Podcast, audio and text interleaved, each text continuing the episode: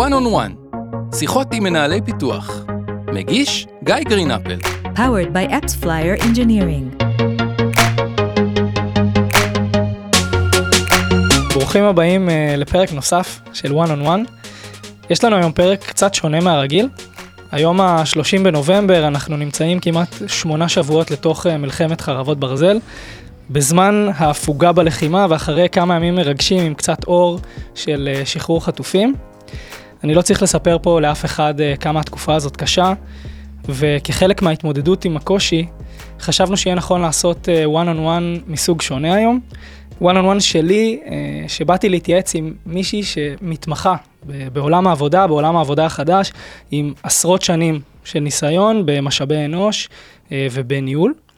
אז זה פרק קצת לא שגרתי, ונקווה שניקח ממנו הרבה דברים.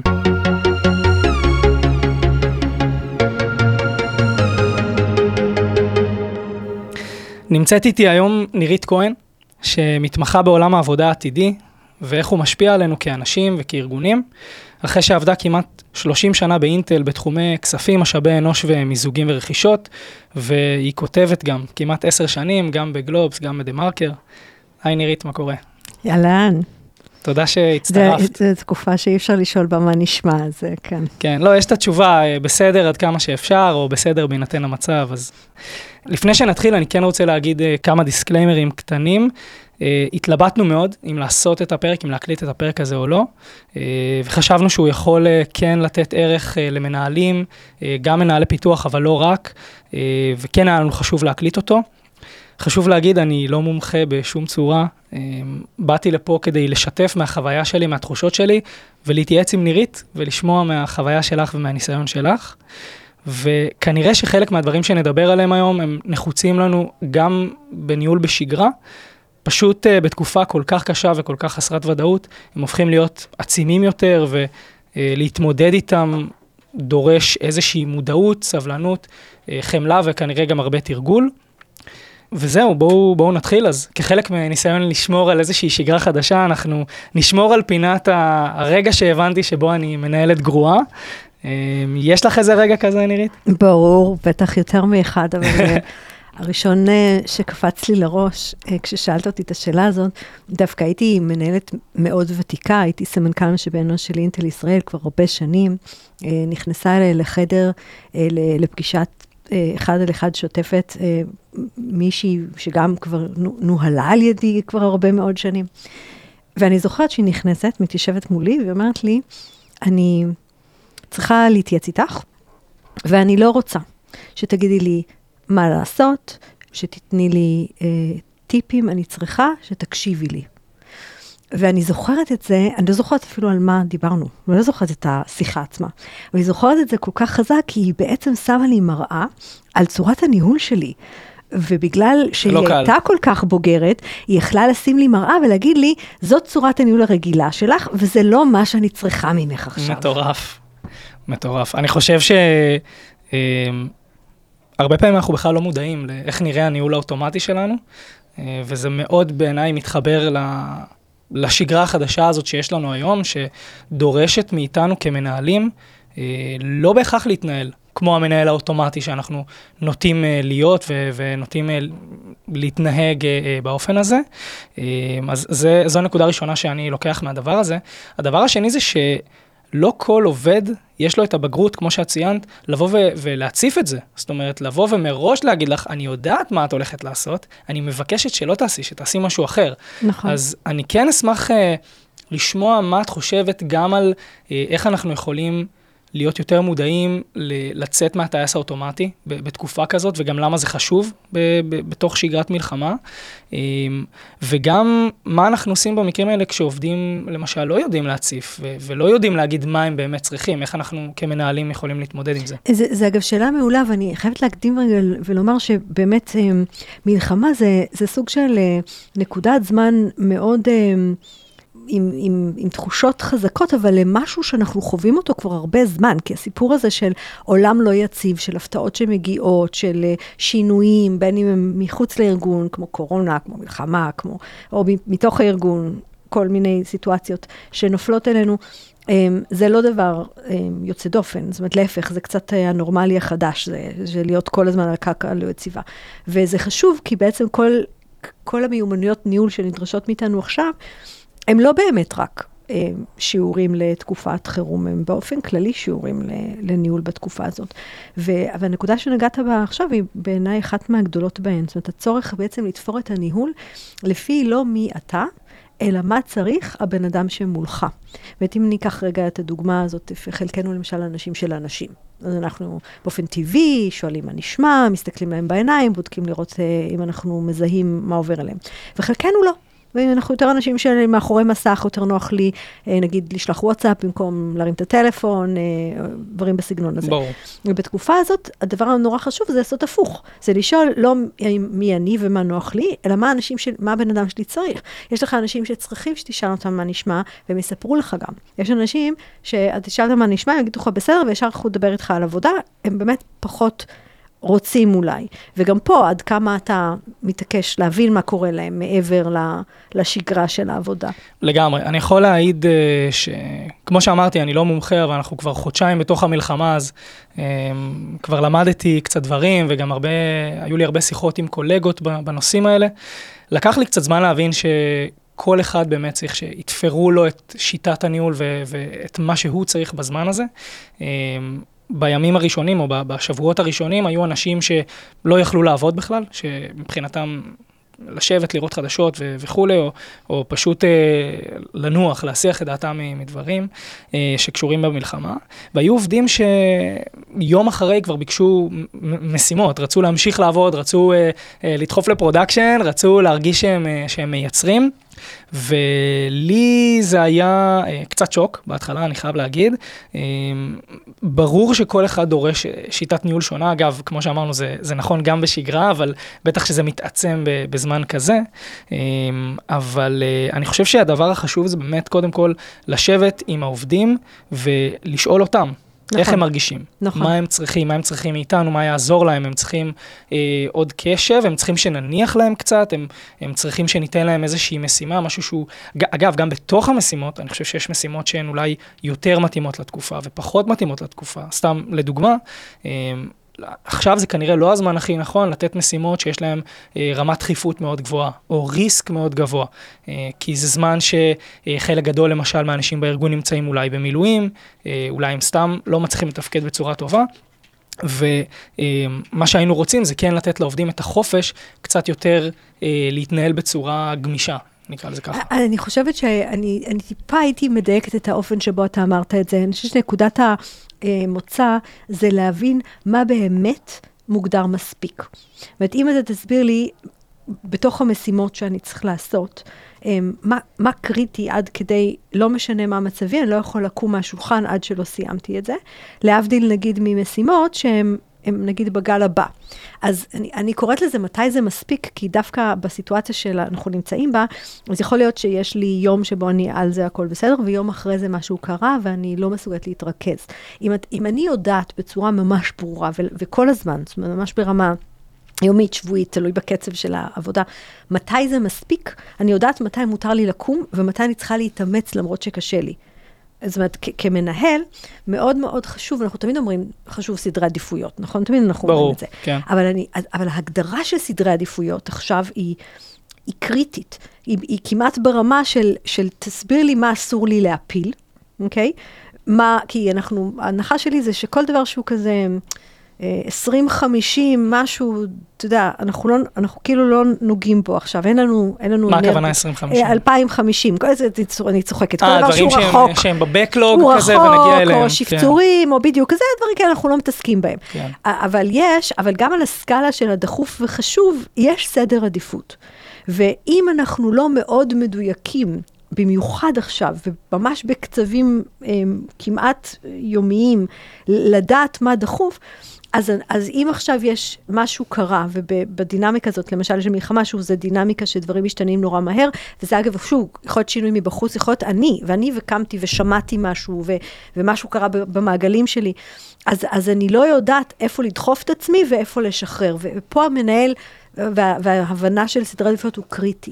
אני מאוד מסכים. אני יכול להגיד שאנחנו, אני מניח שהרבה שומעים שלנו כן אה, גם הזדהו, היינו עם planning אה, מתוכנן וברור ל-Q4, היה לנו את ה-must wins שלנו ואת הדברים שחייבים לעשות, ואנחנו שינינו, שינינו את הכל, היו דברים שהוגדרו כ-must wins, ובואו נגיד, הם, הם כבר לא must win בשלב הזה, חלקם ברור שיידחו ל-Q1, חלקם אולי מעבר לזה, ואחד הדברים הראשונים שאני עשיתי עם הצוות שלי, היה לעבור על הדברים שתכננו לרבעון הזה, וקודם כל להגיד, את זה אנחנו מצופים לסיים, לא משנה מה, עד סוף הרבעון, זה יכול להיות גם התחייבויות שהן ברמת החברה, אה, ולי היה מאוד חשוב קודם כל לשקף את זה לאנשים, לעובדים בתוך נכון. הצוות, אה, כי זה באמת, אה, אני חושב שאולי זה מתחבר למקום שתקופה כזאת, אחד הדברים שהכי קשים בה זה חוסר הוודאות. אז לנסות איפה שאפשר כן לייצר נכון. שברירים של ודאות, אז, אז זה, לי זה היה מאוד מאוד חשוב, וברגע שהיה ברור כבר מה חייב לקרות ומה פחות קריטי שיקרה, אני חושב ש... אמ, פה אני מתחבר למה שאת אמרת, לייצר איזה שהם סדרי עדיפויות מאוד ברורים, ואז כל עובד בפני עצמו או עובדת יודעים להגיד, אוקיי, אני עכשיו עובדת על משימה שקריטי שהיא תסתיים עד סוף הרבעון, בוא נראה איך אפשר לגרום לזה לקרות בלי שאני מסיימת פה עם הלשון בחוץ כדוגמה. נכון. או לחילופין, אני עכשיו עובדת על משימה שאני יודעת שהיא לא בהכרח צריכה להסתיים עד סוף הרבעון, או שהיא קצת פחות דחופה, אז יש שתי דרכים לתקוף את זה, או שאני עובדת על זה בעצימות יותר נמוכה, או שאני עושה סוויץ' ועוברת לעבוד על משהו שהוא כן חייב להסתיים. נכון, עכשיו בוא נחבר את זה לשאלת מה שלומך של ה... אה, שעשינו מקודם, אה, יכול להיות ש, שיש לך עובדת שיושבת על משימה ממש ממש קריטית, שיש לה בבית ילדים בלי מסגרת ובעל במילואים. ויכול להיות שיש לך עובד שעובד על משימה אה, פחות קריטית, שהוא עכשיו בכלל חזר לגור אצל ההורים ו, ורק תן לו לעבוד כי אין לו מה לעשות. אז, אז פה אנחנו חוזרים לאיפה השאלה של מה קורה לאנשים ואיפה הם נמצאים ומה דברים שאנחנו כאילו מחוץ למלחמה קצת פחות מודעים לניואנסים האלה, פוגשים את, ה, את המשימות ואת הסדרי העדיפויות. אז זה לא רק לעזור להבין, לאנשים להבין את העבודה שלהם, אלא אני כמנהל, זה לוודא שהעבודה הנכונה נמצאת אצל האנשים הנכונים. גם, אני, אחד הדברים שנורא ברורים לי, זה, זה לא מספיק שתשאל עובד מה שלומו, אתה גם לא יכול לא להתייחס לתשובה. והוא יכול להיות שיש לו בעיות במישור של באמת אה, עבודה, שהוא אה, עובד עם צוות ש-30% ממנו במילואים, אז בכלל אין ידיים עובדות. יכול להיות שזה בעיות שקשורות למכניקות של הבית, כמו אה, ילדים בבית ואתה לא פנוי מכל מיני דברים, ויכול להיות שזה בעיות בכלל במונחים רגשיים, של אני לא מצליח להתרכז כי. וצריך, ואנחנו צריכים לדעת לרבע את המעגלים האלה. אני מאוד מסכים. אני, יש לי שני דברים להגיד על זה. אמ, קודם כל, אם אני מזקק את זה ברמה שהיא, אה, אני מתנצל כי זה טיפה אולי לא רגיש, אבל, אבל אה, ברמה רציונלית, בעצם מה שקורה בתקופה הזאת זה שהקפסיטי שאנחנו אה, כמנהלים מכירים שיש לכל אחד מהעובדים שלנו, הוא משתנה. נכון. אז כאילו ברמה הרציונלית, כל עובד בעצם יש לו capacity אחר, ויכול להיות, כמו שאת אומרת, שאנחנו צריכים לראות, אנחנו צריכים לשקול חלוקה מחדש של המשאבים אה, ושל המשימות בתוך הצוות לאור ה-capacity החדש. נכון. וה-capacity הזה יכול להיגזר גם מנסיבות שהן... אה, חיצוניות, כמו בעל במילואים, אין מסגרות לילדים, או לא יודע מה, אפילו יישובים בעוטף שלא דיברנו על זה, כן, או אנשים שפונו מהבית, בטח. בדיוק, לגמרי, וזה יכול להיות גם מנסיבות שהן פנימיות, כאילו נכון. איך אני מרגיש, איך אני חווה את התקופה, וזה יכול להיות גם לעובדים שגרים אה, לצורך העניין בחדרה, או באזורים שהם לא מתווכים נניח אה, מרקטות ולא נמצאים ב- בלחימה ישירה, ו- ולכן אנחנו צריכים להבין איך נראה הקפסיטי החדש הזה ולשחק מחדש גם עם המשאבים, גם עם המשימות נכון, שיש. נכון. ו... אני, אני אגיד אגב, ש, שמתוך דווקא ההבנה ש, או העיסוק שלי בעולמות עבודה משתנים, ש, שזה לא רק עכשיו. כי אנחנו, אנחנו רואים על הציר ש, של, של האופן שבו אה, אנחנו מתייחסים לעבודה בתוך מרחב החיים הכולל שלנו, שאנשים רוצים לשלב בהגדרה יותר את העבודה בחיים ולא את החיים בעבודה. זאת אומרת, אתה רוצה כאילו להיות מסוגל לנהל, לחיות את החיים כמו שאתה רוצה לחיות אותם, ושהעבודה תשתלב בתוכם. ולכן גם היום זה טילים, ומחר זה כי אני מאמנת קבוצת הטניס שולחן של המתנס השכונתי, והאימון שלהם הוא ביום שלישי בארבע. ואז הדור שלי היה אומר, מה יום שלישי בארבע? זה יום עבודה, שעת עבודה, ואתה צריך להגיד, אוקיי, אין בעיה, כאילו, איך בונים משהו מסביב לזה. אז, אז, אז, אז הרגישות להבנה של מה קורה לאנשים מעבר לדוינג שלהם בתוך העבודה, ואיך אתה אמ, עושה אופטימיזציה כמנהל. אופטימיזציה לעבודה, מתאים את העבודה לאנשים. אגב, לא רק על זה, גם לצורכי פיתוח. זה מעניין אותי, ומישהו אחר זה לא מעניין בכלל, כן? בשבילי זה אה, נעט מהצבא, כן, נוסף על תפקיד איזה עונש כזה, ובשביל מישהו אחר זה פיתוח. אז איך אתה מחלק משימות לפי אלמנטים שהם לא רק... אה, מי פנוי באלנבי. נכון, וזה, כמו שאת אומרת, אני חושב שזה נכון uh, לכל עת, uh, גם, גם, גם, כמו שאת אומרת, קצת השגרה החדשה, uh, בלי קשר למלחמה. נכון. Um, מעניין אותי קצת uh, לשמוע מה את חושבת על מקרה של עובדים שלא... לא רוצים כל כך לשתף. זאת אומרת, לי, גם, גם, גם ממקרים שלי, אבל גם מסיפורים של קולגות שיצא לי לדבר איתם, מקרה של עובד ש... מדברים איתו, שואלים אותו איך הוא, איך הוא מרגיש, או על מה הוא היה רוצה לעבוד, והתשובות הן נגיד מאוד אה, קצרות, או מאוד אה, לקוניות, אה, אין כל כך שיתוף, אז איך אנחנו כן מוצאים את האיזון הזה בין כמה אני רוצה לחפור, או, או לדחוק כמעט במרכאות את העובד, כן להוציא ולשתף, לבין לתת לו את המרחב, ואם אני שנייה אולי עושה איזה זום אאוט כאילו מהשאלה ומסתכל בצורה טיפה יותר רחבה, אז האם זה בכלל המקום שלי כמנהל, של, של החברה, כ, כארגון שמעסיק את, ה, את העובד הזה, אמ, לדרוש בכך את השיתוף? זאת אומרת, האם אנחנו, לא נכון לנו להסתכל פשוט על אה, העובד, האם הוא מדלבר ועושה את מה שמצפים ממנו, אה, או לא? קודם כל זאת שאלה ממש מעולה.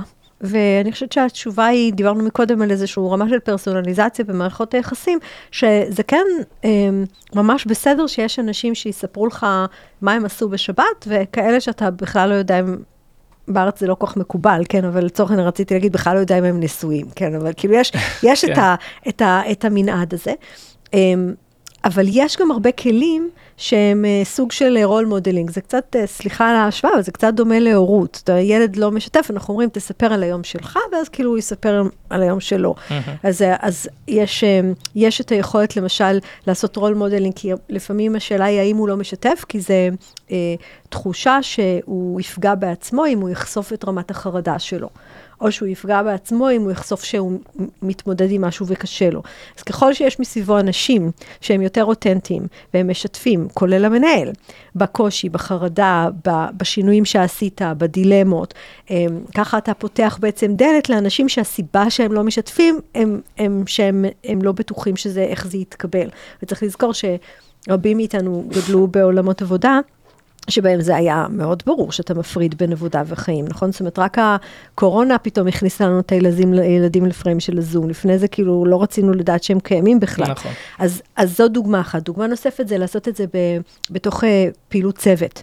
בכלל בתקופות כאלה, זה ממש טוב להקדיש גם uh, זמן מישיבות צוות למשל, uh, לסוג של מה נשמע קבוצתי, uh, כי זה א', מאפשר לאנשים מסוימים לשתף דילמות, לפעמים גם לתת פתרונות. למשל, אני יכולה להגיד, שלא הספקתי משהו, שאני נורא מתקשה בתקופה הזאת באיזשהו אזור, ואפשר, הייתה לי דוגמה מופלאה לסיפור כזה ששמעתי באיזשהו ארגון, אמ, שסיפרה עובדת בצוות שהיא לא פנויה לעבודה כרגע, בגלל שאחותה ילדה, והבעל של אחותה במילואים. זאת אומרת, אם היית שואל אותה מה נשמע, היא לא הייתה אומרת לך, אני, יש לי איזה אתגר, אבל האתגר היה דרך אחותה. כן. מישהו בצוות סיפר, ומה ש, שקרה זה שהיא הייתה מבולה שם המון ועוזרת לאחותה.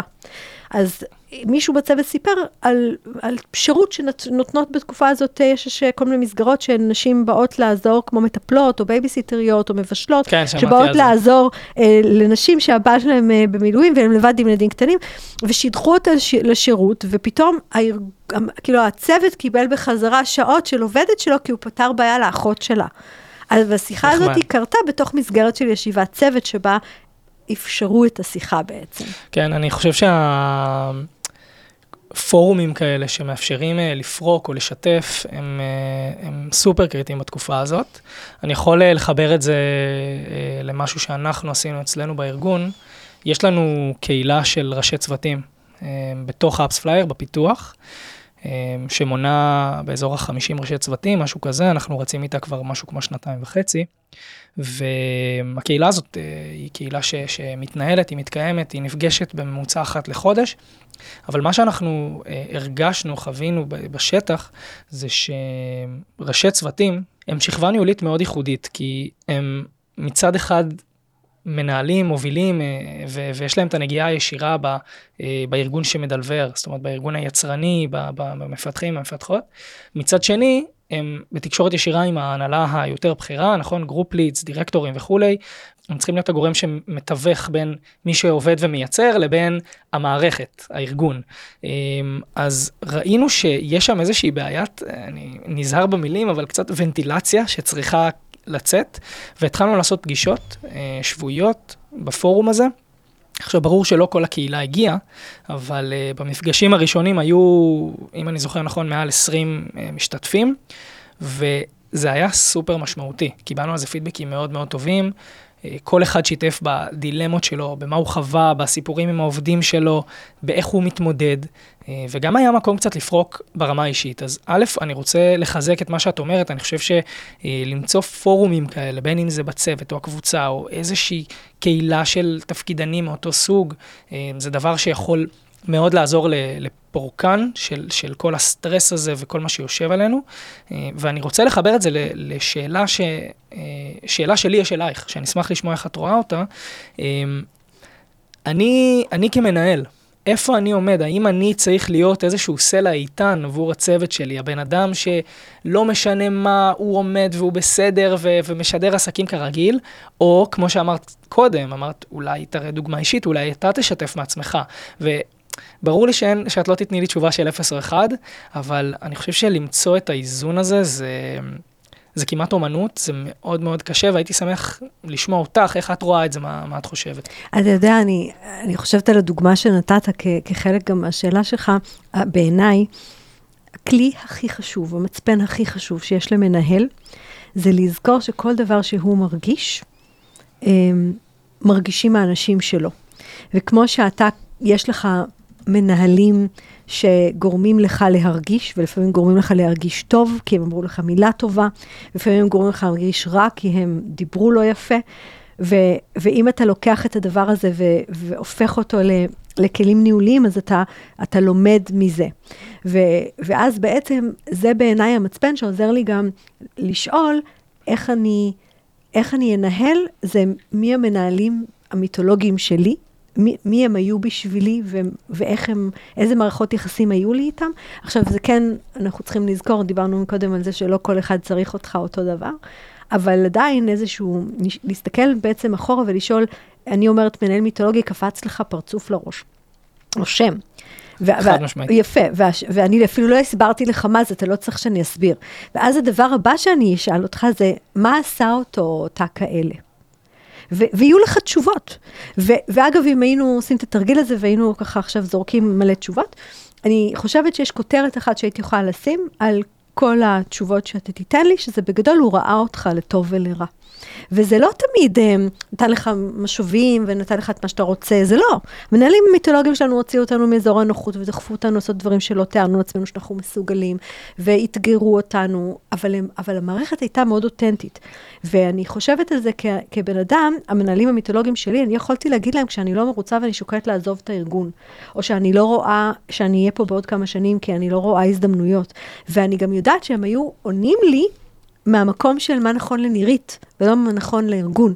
גם אם זה אומר שהם סותרים במובן מסוים את הערכים הארגוניים, או את מה שהארגון מאמין בו. אני לא בטוחה בו. שזה סותר את הארגון, אבל כן אני אגיד ש, שתמיד השאלה, נגיד, ניקח את זה רגע לקצה, כן. הסיפור הזה של שימור. זאת אומרת, לשמר בכוח בן אדם שעובד בתפקיד לא מתאים, הוא, והוא לא מרוצה, אפילו אם הוא היום מדלבר, הוא כנראה מחר ידלבר חצי ומחרתיים שליש. אז לבוא בסופו של דבר ולנסות להבין באופן אותנטי איפה הפערים בין מה שהבן אדם היה רוצה, או מישהו היה רוצה להיות, או איך שהוא היה רוצה לעבוד, לבין מה שיש לו היום, א', נותן לך יותר הזדמנויות לתקן את זה במסגרת הארגון, שזה להתאים לו משימות, ולהתאים לו תפקידים, ולבנות לו תוכנית פיתוח, וב', אם הדבר הנכון הוא להיפרד, אז זה כנראה גם נכון לארגון. עכשיו, לקחתי את זה בכוונה לקצה. כן. כי אתה לא שאלת אותי על המקרים האלה, אבל אם נחזור עכשיו לתוך האירוע הזה, אז אני חושבת שהמצפן הזה של אותנטיות הוא בעיניי מצפן. אומרת, אמ, עכשיו, אותנטיות זה לא להיכנס לחדר ולקטר על המנהלים שלך ועל ההחלטות שהם קיבלו. מצד שני, זה למשל דוגמה מאוד מורכבת, כי נניח לרגע שקיבלו החלטה שאתה נורא לא מסכים אליה. אז האם, אם אתה תייצג אותם עד לקצה בצורה כזאת רובוטית, שבה, אה, אז, אז אנשים, עוד פעם, אנשים לא טיפשים, אני מניחה שאתה לא מנהל אנשים טיפשים, הם יבינו שאתה מדקלם עכשיו טקסט ברור, של מישהו אחר. ברור שהם אז מבינים. המקום הזה שלפעמים אתה גם אומר, למשל אותנטיות, זה לא להגיד, המנהלים שלי מטומטמים קיבלו החלטה מטומטמת, אבל להגיד, אוקיי, התקבלה פה החלטה, יש פה שיקולים יותר גדולים מה... ו- ואגב, היה רצוי שתדאג להבין אותם. גם אתה לא מסכים איתם. ואז אתה אומר, אוקיי, גם, גם אם אני לא מסכים ההחלטה, ברגע שזאת ההחלטה, זה, ה, זה הדרך שבה אנחנו צועדים. עכשיו נשארת אותנטי, הצגת את הארגון, וגם עשית role modeling, ל, לפעמים אתה גם עושה and commit, כאילו. לגמרי. כן, האמת שאני אני מאוד מתחבר לדברים. אני, יש לי פער אחד שבמה שאת אומרת, דיברת על המנהל המיתולוגי, אז קודם כל ברור שקפץ לי איזשהו פרצוף, וברור שאת לא צריכה להסביר לי מה זה אומר כדי שאני אבין מה זה אומר. יש פער אחד פה בעיניי בסיפור הזה של מנהל מיתולוגי ו, ומה הוא היה עושה בתוך התקופה הזאת, ו, והפער הזה הוא שהמנהל הזה או המנהל, המנהלת הזו, הם לא בהכרח אה, חוו תקופה כזאת, או משבר כזה, או, את יודעת, מלחמה, סבבה, סביר שלא, אבל אה, לא בהכרח שאנחנו נוהלנו על ידם בעת אה, כל כך קשה ו- וכל כך חסרת ודאות. עכשיו, מן הסתם שיש לנו את היכולת כבני אדם... אה, אה, עם, עם שכל, לעשות את ההסקת מסקנות, או את ההיקש, או האקסטרפולציה הזאת, ולהגיד, אה, במצב הזה הם היו נוהגים, אני מניח שהם היו נוהגים באופן הזה, אבל אין לנו באמת מישהו שראינו איך הוא מתנהל בסיטואציה הזאת, ואני חושב שמבחינתי לפחות, זה, זה ממש לשים את האצבע על אחת הסיבות שכל כך קשה לנהל בתקופה הזאת, כי אנחנו, חלק גדול מה, מהדרך שבה אני מנהל, היא נגזרת משיעורים ומצלקות שאני חוויתי כעובד, נכון? אני ראיתי מנהלים שלי לגמרי. פועלים בצורה מסוימת ואמרתי, ככה אני רוצה לפעול. או ככה אני לא רוצה. בול, בול, כן. וראיתי מנהלים שאמרתי, ככה אני לא רוצה לפעול, וזה עזר לי לעצב נכון. את הדמות שלי כמנהל. ואני חושב שלא ראינו הרבה מנהלים. אה, ומה הם עשו בתקופות כאלה. ולכן לא תמיד יש לנו בהכרח את המודל לחיקוי הזה, שאנחנו אומרים ככה כן או ככה לא, ואנחנו צריכים פשוט לאלתר. והאלתור הזה הוא יכול להיות מאוד מאוד טריקי, מאוד קשה. נכון, אבל, אבל תן לי רגע, אני, אני אנסה אה, להסתכל על זה מזווית קצת אחרת. אני לא חושבת על מנהל מיתולוגי במונחים של role model, ועכשיו אני אהיה כמוהו. בסופו של דבר, החוויה שלנו בעבודה, ו- ו- ואפילו תעזוב רגע, כשאתה נמצא בדילמות כאלה, תעזוב רגע את התפקיד שלך כמנהל ותיכנס רגע לרגליים של עובד. כי אתה, אתה, כשאתה מבין איך אתה רוצה שהחוויה שלך תהיה, אתה מבין איזה חוויה אתה רוצה לתת לאנשים שלך. אז אם אני רגע חושבת על החוויה שלנו לעבודה, היא מורכבת מהמון המון מיקרו רגעים. אנחנו לא זוכרים את האמצע. איזה מיקרו רגעים אנחנו זוכרים? אנחנו זוכרים את הדברים הקיצוניים לטובה, שהם יכולים להיות הקטנים כמו מישהו אמר לי משהו טוב, והם יכולים להיות גדולים כמו הישג שהשגתי ואת הפרויקט שהסתיים או משהו כזה, ואת המיקרו רגעים השליליים, את המקום שמישהו גרם לי להרגיש לא נעים, וזה יכול להיות בקטנה הוא דיבר אליי לא יפה, וזה יכול להיות בגדול, אני נכשלתי. והמיקרו רגעים האלה זה, זה בעצם הדרך שדרכו אתה... אתה מנהל, ואתה רוצה כאילו כמנהל להעצים את המיקרו רגעים שמחזקים אנשים, שמעצימים אותם, ממלאים אותם מאנרגיה, מאפשרים להם את ה... אמ, את ה, גם את הכוחות, גם את הגמישות להתאים את עצמם לחיים, אמ, ואתה רוצה להמעיט במיקרו רגעים שהם מרוקנים אנשים שזה, אפילו, לפעמים אתה צריך לעשות אותם, כמו להגיד, כן, לא, לא משנה, זה צריך להיות מוכן היום, אפילו אם לא מתאים לך. אבל בגלל זה אני, בגלל זה אני דווקא פחות אוהבת אמ, לתת את המסגרות בצורה קשיחה. אתה יודע, יש, עכשיו שיחה על אה, נגיד עולם עבודה משתנה, ומדברים על ארבעה ימי עבודה בשבוע. כאילו, הנה איזה פנטזיה, כולנו נעבוד נורא גמיש ארבעה ימים בשבוע, ואני נגד. וה, והזווית שלי, זה לא שאני חושבת שאנחנו לא צריכים לה, להזיז את ה volume על יותר יכולת לתת לאנשים גמישות. אני נגד, כי להכתיב להם איך נראית גמישות, זה בעיניי לא התשובה. זה נשמע לי כמו הדלאפ שלך, לא? דלאפ, דעה לא פופולרית. זה דעה לא פופולרית, אה, כן, אני חושבת אה, אה, פשוט... אני, אני חושבת שהדעה הזאת שלי היא כנראה לא פופולרית, כי אנשים אוהבים מתכונים. ואז הם אומרים, אני, אני רוצה גמישות, תורידו אותי, תורידו לי יום עבודה, איזה כיף, כאילו, אנחנו נעבוד ארבעה ימים. אני אומרת, לא, אני רוצה גמישות, שאני אוכל לעבוד מתי ואיפה שמתאים לי, ואם יום אחד מתאים לי 12 שעות, ויום אחד מתאים לי 3 שעות, ועכשיו בואו נחזור למלחמה. זה בדיוק המכשיר שדרכו אתה מעצים אנשים, כי יש יום שבו אה, אני לא יכולה להתנתק מהטלוויזיה, ויש יום שבו אני לא רוצה לראות טלוויזיה.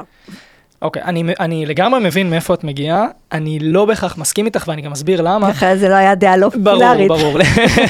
אמ, אני אגיד שאני לא יודע להגיד בהכרח אם אני כן בעד ארבעה ימים או לא בעד ארבעה ימים, אבל um, יש איזה משהו בטיעון הזה של um, אנחנו לא רוצים לתחום את העובד, אלא לתת לו איזושהי גמישות מסוימת, שהוא יכול לקחת את העובד למקומות לא טובים. כי הגמישות הזאת חייבת לבוא עם ה... אה, אה, נקרא לזה הוראות, או, או איזשהו הסבר מלווה, כן. שאומר, אתה, אתה עובד שבוע עבודה מלא, אבל ברור לנו, ברור לי כמנהל, שיהיו ימים שאתה תעבוד שלוש שעות, ויהיו ימים שאתה תעבוד 12 שעות, והדבר הזה צריך להיאמר בצורה מפורשת, וזה קצת מתחבר לי ללמה אני מתנגד למדיניות של ימי חופש שבעצם לא מוגבלים לכאורה, כן. שיש מקומות עבודה שדוגלים בהם, כי... מכל המחקרים שאני שמעתי וראיתי, נכון. הם, מדברים על זה שהעובדים לוקחים פחות ימי נכון, פחות אתה לגמרי צודק. זהו, אז, אז במובן מסוים אני אומר, אה, לתת לעובד, כי אחרת נגיד לצורך הדוגמה, למה שהעובדים לא יעבדו שבעה ימים בשבוע, ונגיד להם, כמה שאתם יכולים, אפילו יום אחד תעבדו חצי שעה, יום אחד תעבדו, תעבדו 12 שעות, אתם צריכים לדלבר. אז איפ, למה דווקא כאילו הארבעה ימים זה... אני חושבת שגם לענייננו פה השיחה המעניינת, כאילו דווקא לתקופה הזאת, זאת שיחה מעולה, אמ, קשורה ב... ב באימון שרירים, גם אימון שרירים שלך כמנהל, של האם אתה יודע מה זה משרה מלאה, בלי לראות אדם, חמישה ימים בשבוע, שמונה חמש בעבודה.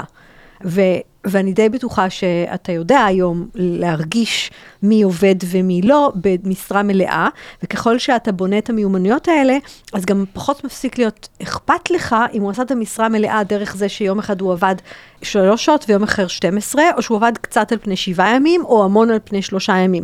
יש איזשהו דיון פילוסופי עכשיו, ונכנס צ'אט GPT, ואז אתה אומר, אוקיי, אנשים פתאום יתחילו לעשות, נגיד, כאילו עוד משרה. ואני לרגע רוצה לשאול, בסדר, ואם אתה היית יודע שבן אדם שלך יכול לעבוד יומיים אה, בשבוע, ולדלבר לך 200 אחוז, זה בסדר או לא בסדר? עכשיו, עד, עד איפה הדילמה? כי אתה תגיד, אה, אבל אם הוא עשה לי 200 אחוז ביומיים בשבוע, אני רוצה שיעשה לי 400 אחוז בארבעה ימים בשבוע, נכון? והתשובה היא, אין לו incentive, הוא כן. רוצה גם לקחת לעצמו קצת spare. זה, זה, יש, זה פרדוקס, כן? נכון? כן? זה, זה הפרדוקס של העובד המצטיין, כן? אתה מסיים עבודה מהר, אתה מקבל עוד עבודה, אז כאילו, איפה נכון, התמריץ שלך? ברור, נכון. זה, יש, פה, יש פה בעייתיות, חד נכון, משמעית. אז, אבל, זה, אבל בעיניי, אתה אמרת את המילה אומנות, ויש פה אומנות, וחלק מהאומנות זה לדעת לתמרץ אנשים. ה... בסופו של דבר, האנשים הטובים שלך, הם לא עובדים כי אתה מודד אותם, הם לא עובדים כי אתה מסתכל עליהם, הם לא עובדים כי הכנסת אותם למסגרות, הם עובדים כי הם רוצים. כי הדבר הזה שהם עושים, הוא ממלא אותם, הוא מאתגר אותם, הוא מעניין אותם, אולי הוא אפילו עושה משהו שנראה להם חשוב בחיים, נכון? זה, זה המנועים הפנימיים. נכון. וכמנהל, זאת האומנות, אם אתה מצליח להביא את המפגש בין עובד לעבודה באופן כזה שהבן אדם יעשה מה, ש, מה שאתה צריך שהוא יעשה ממקומות פנימיים שלו, אז עכשיו, עכשיו כל הסיפור של ניהול, של מכניקות, של זמן ומקום, והוא נהיה פחות חשוב.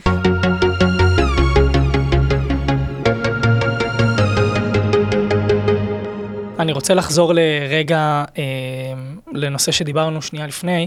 את דיברת על המיקרו-רגעים. נכון.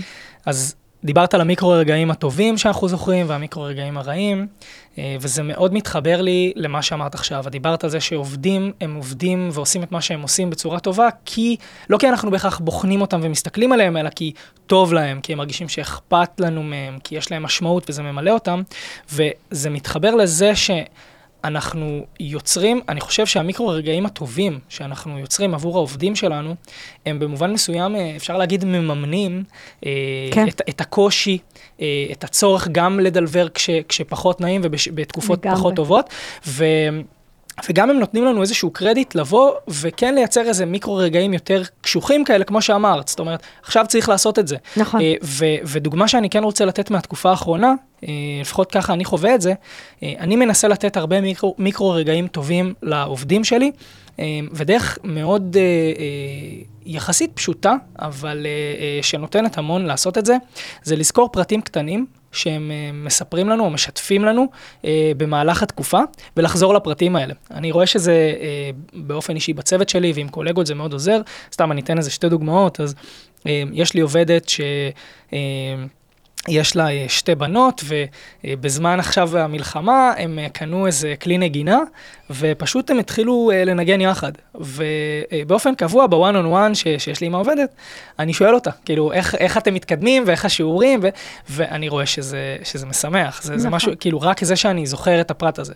או לזכור אה, שמות, כאילו, בין אם זה, את יודעת, נגיד אה, בשגרה, אנחנו מכירים כנראה את השמות של הבני ובנות זוג של העובדים שלנו, אבל פתאום אה, יש איזה אח שנמצא במילואים, נכון, אז, אז לפנות בשם, כאילו, אה, אני לא רוצה להגיד את השם, אבל אה, כן. אה, מה שלמה ואם הוא חזר ואם הכל בסדר, והדברים הקטנים האלה, נכון. אני חושב שהם עושים המון, אה, ו, וכמו שאמרת גם קודם, זה מתחבר לזה שגם ככה אני הייתי רוצה אה, ש, שיפנו אליי ושיתייחסו אליי. וזה גם אגב מה שקראתי לו מקודם, שאתה באמת רואה את האנשים שלך, רואה אותם. כי זה לא הם בורג במערכת, הם ידיים עובדות לעניין uh, to do list, הם, הם, אתה, אתה יודע שיש להם עכשיו את כל הדברים שמתרחשים מהם בחיים, ואתה לוקח את הזמן להתייחס גם לזה. ו- ואגב, עוד, עוד משהו ככה, אם דיברנו קודם על טיפים ניהוליים, זה לפעמים יש לנו נטייה להפעיל uh, שיפוטיות. זאת אומרת, נגיד, uh, אם מישהו... במרכאות אובייקטיבית מרגיש לנו שזה לגיטימי, שקשה לו עכשיו כי דיברנו קודם על מפונים או על אה, ילדים בבית, אז אנחנו מתייחסים לזה כאל לגיטימי. אם מישהו נגיד גר במקום שהוא לא מסוכן, אין לו שום בעיות כאלה, אבל מת מפחד להיכנס בבוקר ולנסוע לעבודה בגלל הטילים. ואז אנחנו אומרים, לא, מה זאת אומרת, כאילו מה, אני, אה, אני עושה את זה בלי בעיה, אז כאילו זה לא לגיטימי. ואז יש לנו כאילו פחות אמפתיה ופחות אנחנו, אנחנו פחות רואים אותם. אמפתיה, זה לא, אמ, זה, זה, זה במהות להיכנס לנעליים של הבן אדם השני, ולא להפעיל את השיפוטיות שלנו, שזה גם סוג של כלי שבתקופה הזאת מאוד חשוב. אני מאה אחוז מסכים עם זה. אני הייתי שמח אה, לשמוע מה את חושבת על סיטואציה שבה אה, יש נניח איזשהו עובד כזה, ממש כמו שאת תיארת, אבל המדיניות של החברה היא מדיניות שמגיעים למשרד, פיזית. כן. מה עושים במצב כזה? כאילו, איך אני כמנהל אמור להתמודד עם, עם הארגון מציב מדיניות כזאת? אגב, אני אגיד כדיסקליימר, שב AppsFlyer אה, המדיניות היא מאוד מאוד גמישה, באמת, אחרי, איך שנפתחה המלחמה, כאילו, אה, עברנו מהשלושה ימים במשרד, שכל אחד יעשה מה שהוא מרגיש איתו בנוח והכל בסדר, אבל אני מכיר לא מעט חברות נכון. שחזרו לשגרה תוך שבוע, שבועיים, שלושה, ועובדים שוב מהמשרד, ו- ומה עושים במקרים כאלה? נכון, נכון, וזה, וזאת אגב דוגמה ממש קונקרטית לימים האלה של הדיון שעשינו מקודם, של מה קורה כשהמדיניות היא משהו שאתה או לא מסכים לה, או יש לך באמת, אה, ובסופו של דבר כמנהלי, כמנהלי אה, צוותים, אתה כאילו לפעמים נמצא במרכאות בין הפטיש לסדן. זאת אומרת, נכון. אתה, אתה פוגש את המקומות שבהם מדיניות... היא לא פוגשת את המציאות, ו- ויש לך תפקיד דו-צדדי פה. לפעמים זה לתווך את המדיניות לאנשים, ולפעמים זה לתווך את הלא פוגש את המציאות ל- להנהלה. לתווך את האנשים למציאות. נכון, עכשיו אני. אני, אני גם אומרת, תסתכל, תמיד, תמיד לוקחת את זה לקצה, נכון? במקרי קצה, למשל סתם דוגמה, אם יש לך עכשיו מפונים בצוות, הסבירות שהחברה תגיד, "אה, לא מעניין אותנו כלום, לא מעניין אותנו את הסיטואציה, תבואו למשרד כרגיל, היא כנראה קטנה גם בחברה מאוד מסורתית שאין אצלה שום גמישויות. עכשיו בואו נתחיל להחזיר את הקצה הזה טיפה אחורה ונראה איפה הוא מגיע. ובסופו של דבר, אמ, בעולם המשתנה, אם אנחנו יוצרים קונפליקט בין החיים לעבודה, החיים ינצחו.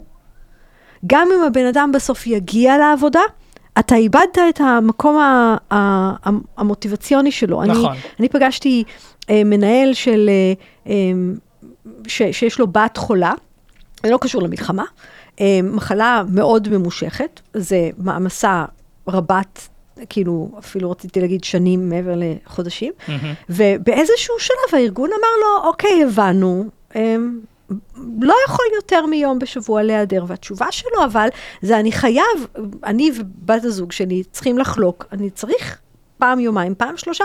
עכשיו, הכריחו אותו. ובסופו של דבר, הוא חזר לעבודה, ליום, כאילו, רק יום מהבית.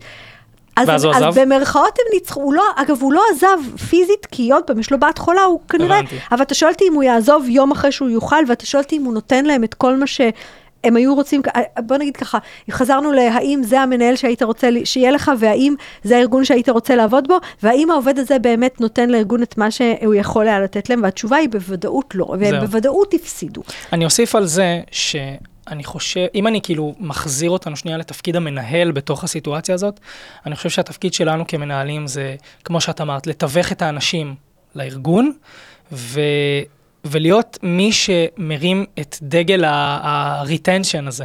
כאילו, או את הדגל של ה-attrition. זאת אומרת, להגיד, אם אנחנו לא נבוא עכשיו לקראת העובד הזה, זה עובד שברגע שהוא יוכל, הוא יעזוב אותנו. נכון. עכשיו, אם הארגון מבין את זה, והוא אומר, אין בעיה, כולם אה, ברי תחליף, הכל בסדר, אז, אז בסדר. אז ככה הארגון בוחר להתנהל, אה, והשחיקה במוטיבציה היא תוביל לתוצאה בסופו של דבר, אז בסדר, אבל אני חושב שאנחנו כמנהלים צריכים לשקף את זה, צריכים להרים את הדגל, צריכים להילחם, ויש מקרים שמדובר בעובדים שהם כנראה מדהימים ומצטיינים, וגם מדלברים, וגם הם אה, תורמים ברמה הערכית ומאוד חיוביים לארגון. והתפקיד שלנו זה לעשות הכל כדי לשקף את המצב הזה. נכון, אני רק הייתי הולכת אחורה מהטרישן, כי אתה לקחת את זה לקצה שבו אתה כבר אומר, הבן אדם יעזוב. נכון. אומרת, זה גם, זה גם איזה, איזה תרבות אתה רוצה, איזה ארגון אתה רוצה להיות, האם יצרת פער בין הפוסטרים על הקירות של כל המילים היפות של אה, מה אמרת שאתה, לעומת איך אתה מתנהג בשטח. וגם איך זה משפיע על אחרים, על אחרים בתוך הארגון, כי נכון, הם על רואים את המצב. מוטיבציה, על מחוברות. נכון. ו- ואני חושבת, הרי בסופו של דבר, כשארגון אומר לאנשים שלו, אנחנו רוצים שיחזרו לעבודה, הוא בעצם אומר להם, אני רוצה רציפות תפקודית. וזאת זאת בפני עצמה אמירה לגיטימית, נכון. כי גם בתוך האירוע הזה של המלחמה, חלק מה לא להיכנע לטרור, זה שנשמור על המשק, נשמור על הלקוחות, נשמור על המשקיעים, נשמור על כל השותפים שלנו בעולם, זה לא קורונה עכשיו, לא כל העולם עצר, רק אנחנו. אז הסיפור הזה של איך אתה מייצר רציפות תפקודית, אה, הוא חשוב לכולנו, הוא לא רק רווח לבעלי מניות במרכאות.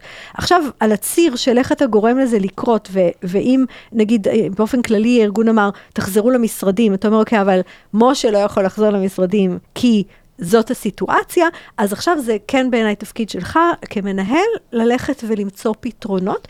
ו- ואני חוזרת ל- ל- לנקודה הזאת שאתה בסופו של דבר שאלת אותו מה נשמע.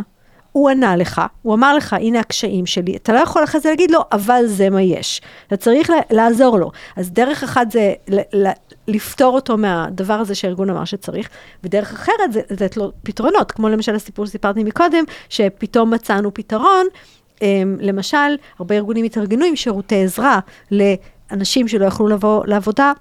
או לתת מספיק זמן עבודה בגלל אה, שלילדים לא היו מסגרות, או בגלל מפונים, או כל מיני פתרונות. אני כאלה. חושב שגם, אה, אני חושב שגם אה, הרבה פעמים אנחנו אה, נרצה לעזור אה, לתת פתרונות, אבל לא בהכרח יהיו לנו את הפתרונות. אבל עצם זה שהעובד ירגיש שאנחנו איתו, ואנחנו מנסים לחשוב איתו איך לפתור את הסיטואציה, אני חושב שרק זה כבר יש לזה איזשהו ערך. נכון. זאת אומרת, לפעמים אנחנו לא נצליח לשכנע את הארגון שהעובדים לא יחזרו למשרד, אבל עצם זה שהוא יודע שישבנו וחשבנו ובחנו אופציות ודיברנו והצפנו את זה, אני חושב שזה כן עושה תחושה טובה. אני יכול לתת דוגמה.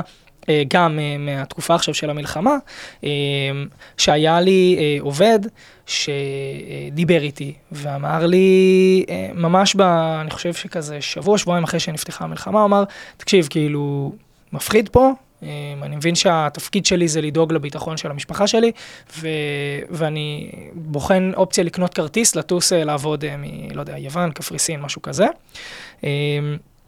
ובעצם אה, אני הלכתי ודיברתי גם עם, עם המנהלת שלי ובדקנו ברמה הארגונית, והחזרנו לו תשובה באותו יום, אמרנו לו, תקשיב, אם אתה צריך, אתה, אתה יכול לטוס, כאילו, אין בעיה שתקנה. עכשיו, יום אחרי זה הוא כבר חזר אליי ואמר לי, תקשיב, כאילו, הכל בסדר, זה פשוט היה לי כזה, איזו תחושה לא נעימה של אותו היום, אנחנו לא טסים, אנחנו נשארים, אבל ההערכה שהוא הרגיש כלפי הארגון, כאילו, את יודעת, כלפי כן. ה... שאפשר לו כן. לדאוג למשפחה שלו. בדיוק. זה ש- מאוד ברור, נכון, נכון? כאילו נכון. על פניו. כן. אגב, אבל- אגב אני, אני פגשתי דוגמה כזאת, אה, דיברנו קודם על המקומות שאנחנו קצת יותר שיפוטיים, שעובדת אמרה, אני, אני פוחדת לנסוע למשרד, ואז מה שהפתרון שעלה למשל זה carpool. ומישהו שגר בסביבתה אסף אותה והיא לא נסעה לבד, או מישהי אחרת שאמרו לה, בסדר, תזיזי את השעות, נכון, נגיד בשבע בבוקר עוד אין טילים, אנחנו נהיינו מומחים באיזה שעות כן. יורים עלינו, אה, ואז אם נגיד תגיעי מספיק מוקדם ותצאי בשלוש, כי הם מתחילים בדרך כלל לראות רק אה, מחמש, כן, משהו כזה, כן. ואז איכשהו כאילו עבדו איתה ויצרו לה את המקום הזה. עכשיו, פעם אחת היא כבר באה, נזכרה כמה זה כיף לראות את החבר'ה, להרגיש את הדינמיקה, לא להיות לבד בבית, אז פעם הבאה היא כבר באה יותר ב- בשמחה.